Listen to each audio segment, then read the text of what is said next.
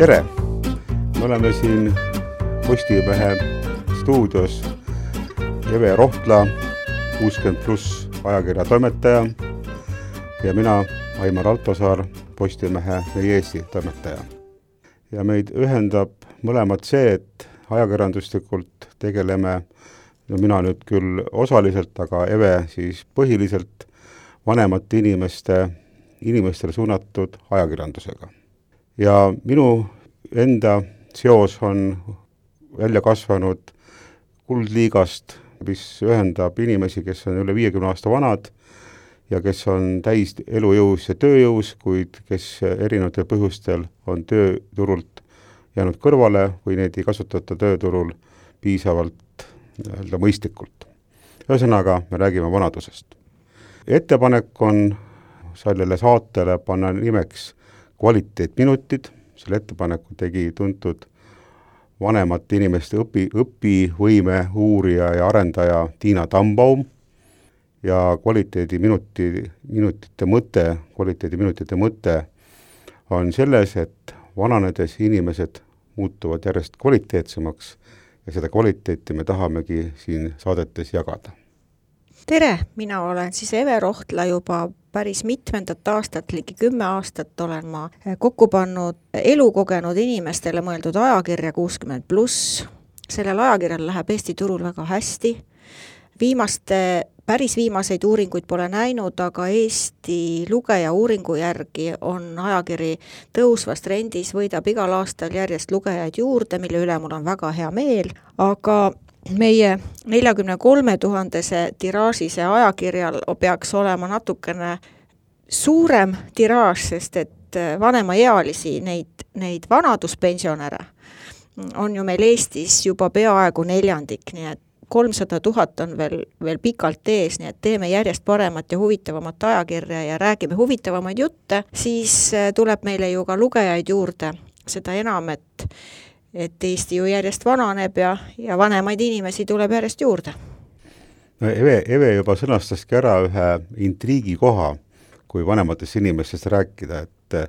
harjumuspäraselt peetakse vanemaid inimesi, ahah, need on pensionärid. no ja. kindlasti ongi ja pensionäride hulgas on kõige rohkem vanu inimesi, vanad inimesed, keda peetakse vanadeks, on enamasti pensionärid, see on muidugi õige. aga õige on ka see, et inimene ei ole ainult pensionär ükskõik, isegi kui ta pensioni saab, siis on ta ju veel keegi, ta on lapsevanem, vanavanem, ta on kellegi sõber, ta on kellegi naaber, kuid väga sageli, järjest sagedamini tänapäeval on ta ka töötegija. ta ei ole, hoolimata sellest, kas ta on pensionieas, saab pensioni või ei saa, loob lisandväärtusi siis oma tööga. ja nüüd see on ka üks koht, mida me tahame kindlasti rohkem oma saadetes, kvaliteediminutites avada aga läheme siis tänase teema juurde, me leppisime kokku, et me räägime täna väärikast vananemisest. just, tegelikult on inimese elu algusest peale ju tervik. kui me räägime küll väiksest lapsest, imikust, siis me tavaliselt ei kasuta sõna väärikas, ta on lihtsalt armas. ja lapsed on ikka armsad ja lapsed on oodatud ja meie elu õied ja me oleme tegelikult väärtuslikud inimestena, ükskõik kui vanad me oleme, kasutame sageli erinevaid epiteete. ja vanaduse puhul võib-olla, võib-olla ongi kõige kohasem kasutada sõna väärikus. et inimene tahab väärikalt vananeda, räägitakse sageli, et inimene ei taha vananeda, võib-olla just sellepärast, et ta kardab, et äkki ta ei saa väärikalt. kui inimene saab elada ja vananeda väärikalt, siis ei ole ju ka põhjust vanaduse ees hirmu tunda aga minul on alati pakkunud mõtteainet ja huvi üldse niisugused erinevad omadused, ootused, eeldused ja üks nende hulgas on siis see niinimetatud väärikus. mis asi see väärikus on? see on selline suhteline mõiste, et ühele on väärikas, tähendab midagi muud, mis teisele inimesele, noh näiteks, kas väärikas on joosta trammi ja bussi järele? siis räägitakse ju niimoodi, et üks väärikas daam ei välju kodust mitte kunagi paljaste varvastega, alati peavad siidisukad jalas olema. sellel väärikusel on nii palju erinevaid selliseid alatoone ja lisatoone ja värve, et mis sina arvad, mis see väärikus siis on? see on tegelikult väga hea küsimus. sest et äh, väärikus on kindlasti seotud inimese käitumisega, kas ta on inimest, teiste inimeste hulgas, tunneb ennast hoituna, austatuna, kas tema nii-öelda roll, kus ta on harjunud olema, on alles, kas ta on inimene, keda pannakse tähele, väärikas on kõik see, mis muudab inimese tegelikult selliseks lugupeetud kogukonna liikmeks. ta võib olla ka väga vana, ta võib olla ratastoolis, tervis on kehva, aga, aga ta on väärikas, sest et teda, temaga arvestatakse, temalt küsitakse nõu, tema arvamusega arvestatakse, väärikas on see, et ma olen kogukonnas, ühiskonnas endiselt olemas ja minuga arvestatakse. ja see, mida sa nimetasid jah, et teatud käitumuslikke äh, asju varem ei peetud väärikaks et mina, mulle meeldib muuseas bussi peale joosta, võib-olla see ei ole väärikas, aga ma tunnen, et see on jube mõnus ja, ja mulle meeldib suvel paljaste varvastega ka ringi käia. jah, et aga ma loodan, et mina olen väärikas mees ja sa oled väärikas daam sellegipoolest, et need tegelikult on sellised atribuudid. samas ma loomulikult, kui äh, ma lähen teatrisse, siis ma ei hakka seal jooksma, see vist ei ole väärikas ja ju sa ei tule ka teatrisse paljaste varvastega, et et noh, võib-olla seal on need kohad, eks ole, et kus ja me..., ja vanavanemad ütlevad lastelastele, kui nad kalmistule lähevad, et kalmistul või surnuaial ei ole väärikas karjuda, joosta ja, ja kekselda, et on lihtsalt niisugused asjad, mis, mis on meie Eesti rahva teadvusse sulandunud kui väärikuse etalonid ja nendest püüavad inimesed kinni pidada. jah, selles mõttes on kindlasti oluline ära tabada, mis on ikkagi äh, nii-öelda ajastule kohane ja mis on sellele kogukonnale, kus ma elan, kohane, et ei ole mõtet seal nüüd väga vastuvoolu ujuda, et kui sa oled äh, oma rolli selles ühiskonnas kätte saanud, siis täida seda rolli ausalt kuni lõpuni ja ära siis püüa ennast siis kuidagi teiseks teha, kes sa tegelikult ei ole. ja minu arvates, kui nüüd ma lubad jätkata, et minu arvates on üks probleem, kui vananevad inimesed, kes on silmnähtavalt siiski juba üle kuuekümne, üle, üle seitsmekümne aasta vanad, püüavad meeleheitlikult näida väga noortena. Minu arvates see võib nende väärikust natukene õõnestada mm. -hmm. mis sina arvad? ma arvan, ma olen täpselt sedasama meelt ja, ja siit läheb võib-olla kenasti see jutulõng edasi just sellele teemale, et mina olen väga nõus religioonipsühholoog professor Tõnu Lehtsaare arvamusega, kes arvab, et temale võrdub väärikus sõnaga au et noh, näiteks üks, ühed laulusõnad ju ütlevad ka, et võta võid mu käe, võta võid mu väe, aga oma au ei anna ma mitte kunagi käest, eks ole, et see tähendabki seda, et et, et kui sul ei ole autunnet või kui sul au on kadunud, siis sul ei ole enam mitte midagi. ja see, sealt tulebki see, millest sa ka rääkisid, et, et sa peaksid olema autoriteet, aga autoriteet saab ju olla ainult aumees see on nii, inimese elus on tõesti võib-olla igasuguseid asju, aegu, ta võib olla vaesem ja rikkam, alati ei lähe tööasjad väga hästi, alati ei lähe elu nii hästi, kui tahaks, kuid see, mida saab inimene alati ise teha, ta saab olla auinimene, tema au on nii tähtis, et kui see on alles, siis on tegelikult kõik alles, siis ei ole mitte midagi kadunud. ja vananedes see tähendabki seda, et vana, vananemine on mingis mõttes selline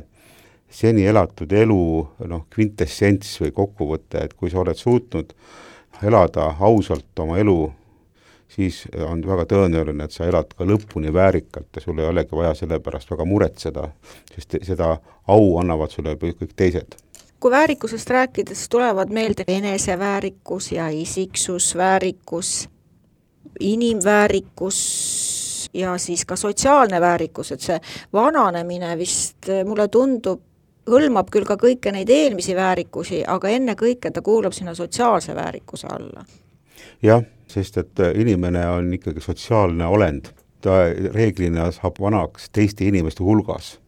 ja ta saab vanemaks koos teiste inimestega, sa saad oma põlvkonnaga vanemaks. Ja tulevad siis peale ka uued põlvkonnad, kelle suhtes oled sa vana, aga alati, kui sa ei ole väga vana, siis alati on keegi sinust ka vanem et äh, kindlasti äh, sinu positsioon, sinu väärikus peegeldubki selles ümbruskonnas, kus sa liigud ja kus sa oled. ja just vanemas eas tuleb võib-olla see just eriti selgemalt välja ja, ja siis ongi see väärikus muutub nagu oluliseks, et kui kõik muud peaks ära kaduma, et sa võib-olla ei jookse enam nii kiiresti ja tervis pole see ja, ja noh, palju muid hädasid võib inimest tabada, kui väärikus on olemas, siis see paistab silma, siis järelikult oled sa ka inimesena ju hoitud ja alles. aga võib-olla tulebki siis see väärika vananemise teema või üldse see, et, et vananemine peaks olema väärikus hoopis sellest, et meie ühiskonnas ei austata piisavalt vanemaid inimesi. et, et meil on see nooruskultus ja, ja noored on äh, nagu elujõulised ja vanemad inimesed justkui peaksid tegema teed noortele ja miks nad üldse jalus tuierdavad ja nad ei anna ju enam mitte midagi ühiskonnale ja meie peame neid üleval pidama ja kõik niisugused noorte seas, mitte küll kõigi noorte seas, aga, aga väga laialt levinud niisugused arvamused, lisaks sellele, et alates juba nelikümmend viis ja vanematest inimestest on üsna keeruline tööd leida tööturul, sest ennekõike hinnatakse nooremaid inimesi tööturul, et, et kuidas me saaksime, millest me peaksime nagu algama, et, et ühiskonnas tervikuna suhtutakse vanematesse inimestesse aupaklikult, nii nagu näiteks on Hispaanias, Itaalias, kus tegelikult kõige auväärsem inimene on perekonna kõige vanem naine kes, kes on vaieldamatu autoriteet. ma olen nõus, et siin on kahekümne sajandi, eriti kahekümne sajandi teisel poolel toimunud mingi läänemaailma väärtuste hälve, sest et inimkond, niikaua kui ta on eksisteerinud, on suuremas ajast alati vanematest inimestest lugu pidanud, see on üks osa inimeseks olemisest aga kui tulla nüüd tänapäeva, siis see, miks vanemaid inimesi ei väärtustata piisavalt või isegi tõrjutakse, see on tegelikult laiem teema, inimest üldse, kuidas suhtutakse vanemasse inimesse, tegelikult suhtutakse ka teistesse inimestesse ülimalt utilitaarselt. Mitte oma väärikasse kogukonna liikmesse, endaga võrdväärsesse olendisse, kellega tuleb arvestada, vaid kui mingis mõttes nagu tarbimisväärtust omavasse, kas sa oled piisavalt kiire, nobe, kas sa oled piisavalt noh, ma ei tea, tööprotsessis nagu kuidagi väga edukas mingis konkreetses valdkonnas, kui sa ei ole, siis sa polekski nagu väärtuslik. aga inimestel on hästi erinevad omadused ja mida nagu ei taheta tähele panna, et noortel on ühed omadused, võimed, noored jooksevad kiiresti, energilised, hüppavad kõrgele, võivad hommikuni pidu panna, võib-olla üle kuuekümne aasta, üle seitsmekümne aasta inimesed ei jookse enam nii kiiresti, ei hüppa nii kõrgele, hommikul pidu ka ei pane, aga neil on mingid teised võimed ja omadused. igal inimesel on komplekt olemas, see summa on nii-öelda üks, ainult et komplektis on erinevad võimed. ja, ja võib-olla see muutus, kui me tahame, et hakatakse nägema ka vanemates inimestes taas võrdväärse kogukonna liikmeid, see muutus tuleb ka tegelikult sellega, et nüüd tänapäeva ühiskond, tänapäeva tööprotsessid, tegelikult ka tehisintellekt ja IT annab võimaluse nendele inimestele, kes ongi vanemad, kellel on sotsiaalsed oskused, empaatia, teatud ettevaatlikkus, ettenägelikkus, enne kui mingi nupule vajutada, ta natuke kaalub ja mõtleb, ei torma kohe vajutama, et ma arvan, et see uus ajastu toob uuesti tagasi vanemad inimesed oma väärikuses ja väärtuses ja pilti. see, mis praegu on, mida me praegu kirjeldasime, on tegelikult anomaalia. seda pole inimkonna ajas kunagi juhtunud ja ilmselt see läheb üle, et vanemaid inimesi tõrjutakse. ma usun, et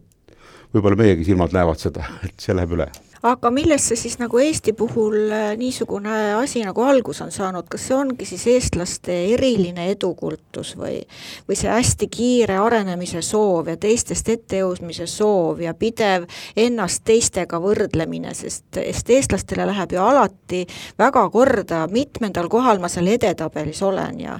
ja, ja kuidas ma saaksin sellest minust ees olevast firmast, inimesest naabrist ette jõuda, et see on nagu elu ja surma küsimus, mis tegelikult lõppude lõpuks väsitab kõik inimesed ära ja sulle mitte midagi juurde ei anna, et miks on eestlased just sellised eriti, eriti kõik teelt pühkivad ja vä väga vähe empaatilised no ju muidugi on see omane ka teistele rahvastele, eestlasi me tunneme lihtsalt kõige rohkem, aga on tõepoolest täheldatud nii mõnedki naaberrahvaste esindajad on ütelnud, et me oleme nagu rohkem edukultuses kinni ja me suhtleme teistesse inimestesse natuke kalgimalt ja arvestajalikumalt, et et ma usun, et seal on palju põhjuseid, ma arvan, et meie puhul võib ka ikkagi seda kahekümnenda sajandi ajalugu süüdistada, sest et niisugust jama, kus iga põlvkond on pidanud praktiliselt uuesti otsast peale alustama ja kus eelmise põlvkonna tarkused enam nagu ei päde. mis pühitakse nüüd prügikasti? pühitakse minema, et, et saare ajal üles kasvanud inimestel polnud võib-olla eestiaegsetele noortele midagi öelda. Eesti-aegsetel noortel, kes siis viiekümne, kuuekümnendatel aastatel olid juba täisjõus, polnud enam Nõukogude noortele midagi öelda ja nii edasi. Küllap oli öelda, aga see ja, oli hoopis teine aeg. oli, loomulikult oli öelda, loomulikult ja tänu sellele, et oli eestiaegseid inim-, eestiaegseid õpetajaid veel seitsmekümnendatelgi, tänu sellele meil on ikkagi väga paljud väärtused veel ikka olemas, mida kõigil rahvastel ei pruugi enam alles olla, kes okupatsioonid üle elasid. aga siiski selline tendents, et et see vana ajastu inimesed jäid mingis mõttes selle uuele nagu jalgu ja väga palju tuuakse meil siin põhjuseks üheksakümnendate algust, eks ole, kus siis nii-öelda luuaga käidi üle, et aga võtame tegelikult ka seda rahulikult, see oli üks, üks murrangu etapp ja nüüd on needsamad luuaga käijad, meie põlvkond kaasa arvatud, on ise nüüd selles eas, eks me siis mõneti ka selle sündroomi all ise kannatamegi, et nüüd on ka noored arvavad ka, et on vaja luuaga vehkida aga me peame nüüd ütlema tasa ja targu, et me oleme nüüd suured muutused teinud edasi läheme ikka koos. selleks me peame ise olema ka targemad ja suutma seda noorematele öelda, et nad aru saaksid. on ju üldteada väärikuse mõõdupuu see, et äh, kõige parem riik või kõige, kõige soojem ja kõige inimsõbralikum riik on see, kes hoolib oma vaestest ja väetitest, kelle loomad on hästi hoitud, kelle lapsed on õnnelikud ja kelle vanemaealised inimesed veedavad oma vanadust äh, kõige paremini, meeldivalt ja neile kohaselt. Nüüd suri Tallinna loomaaias vanaema lõvi ja täna siis Eesti, üks Eesti loomapsühholooge rääkis, et kuidas siis äh, loomaaias või loomariigis need asjad käivad. et kui on lõvikari, ja kui sa jääd vanaks ja haigeks, siis äh, sind jäetakse maha, sa jääd ilma toiduta ja, ja sa sured ära. mina väga tahaks loota, et et selle koha pealt ei saaks paralleele tõmmata, et, et meie ikkagi Eestis ja, ja, ja inimeste hulgas käitume natukene sõbralikumalt ja paremini kui loomariigis. absoluutselt nõus. kui jälle vaadata inimkonna ajalugu ja arheoloogilised andmed kinnitavad, et juba kümneid tuhandeid aastaid tagasi, isegi sadu tuhandeid aastaid tagasi, meie kauged esivanemad hoidsid oma vanu inimesi elus nii kaua kui võimalik. On leitud ikkagi vanade inimeste luid, kelle luud on deformeeritud, on näha, et viimased aastad ei olnud selle inimese enam kõige kergemad, on leitud ju luid äh, inimestelt, kes on kas kiskjate või mingi muul põhjusel saanud nii traumeeritud, et jäsemeid on isegi puudu, ikka vanaks elatud. Ja mis mõtled, miks see, miks see nii on, et neil oli ju kindlasti keeruline hoida elus, aga tegelikult see vana inimene oli elu, elav mälu, elav kogemus. Seda inimest koopast koopasse kaasa aidates, tuues, tassides, hoiti teilt oma suguharu mälu, kogemus, traditsioon kogu aeg elus. Ja see on inimlikult ülivajalik. Ja nüüd see kahekümnendal sajandil see katkestus, mis nüüd tuli selle teadustehnikalise revolutsiooni ja siis nüüd äh, beebibuumerite põlvkond, kus see tarbimiskultus üle, üle läänemaailma käis ja jõudis siis üheksakümnenda aastate alguses ka meile, pluss siis meil ka veel see ajastute katkestus,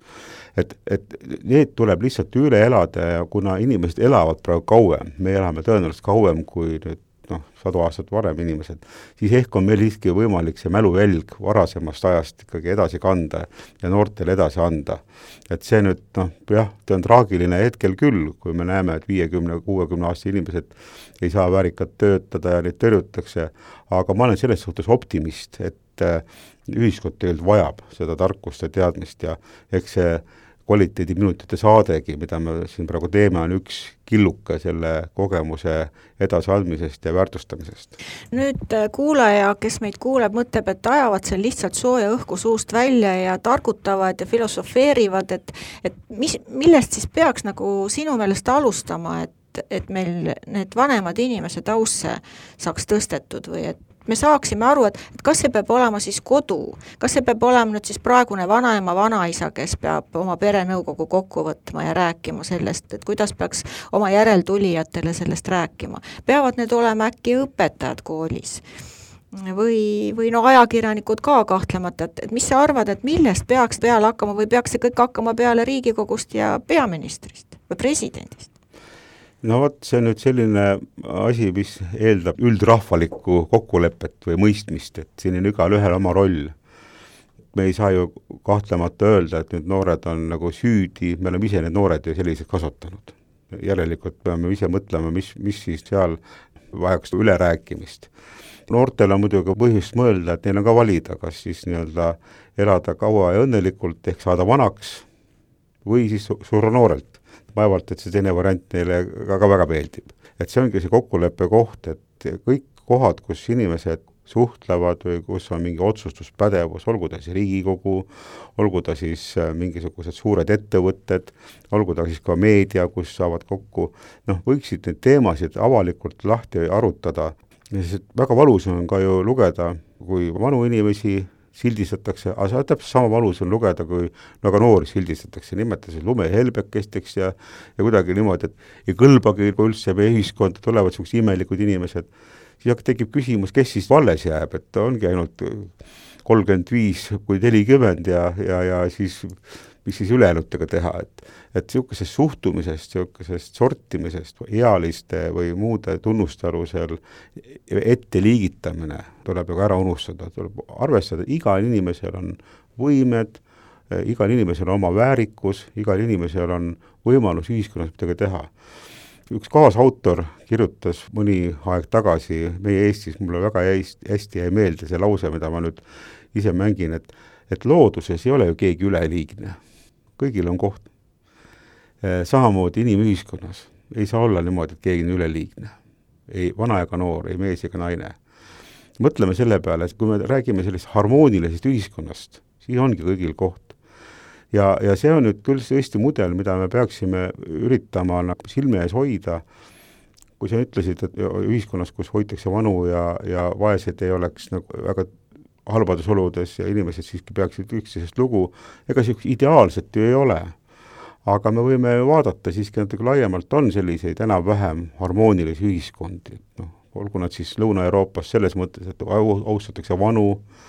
või siis nagu mõni väiksem Põhja-Euroopa ühiskond, näiteks Island, kus tundub, et on sellist küünarnukki tunnet rohkem, et äh, me oleme ka väike ühiskond, äh, missugune on siis meil see mudel, et kõik oleksid hoitud, et see on, ma arvan, et üritus, kus me saame kõik kaasa lüüa. jah, see on see mõte, et me kõik tahame kaua elada, aga ei taha vanaks saada. ma arvan, et me võiksime järgmises saates rääkida teemal, miks me kardame vanaks saada. jah, arvatavasti on mõistlik kõigepealt hirmud maha võtta ja vaadata, mida me siis kardame, võib-olla on vaja hoopis mitte karta, vaid noh, võib-olla isegi kaasa aidata tänaseks me siis oma esimese saate esimesed kvaliteediminutid lõpetasime, aga kohtume peatselt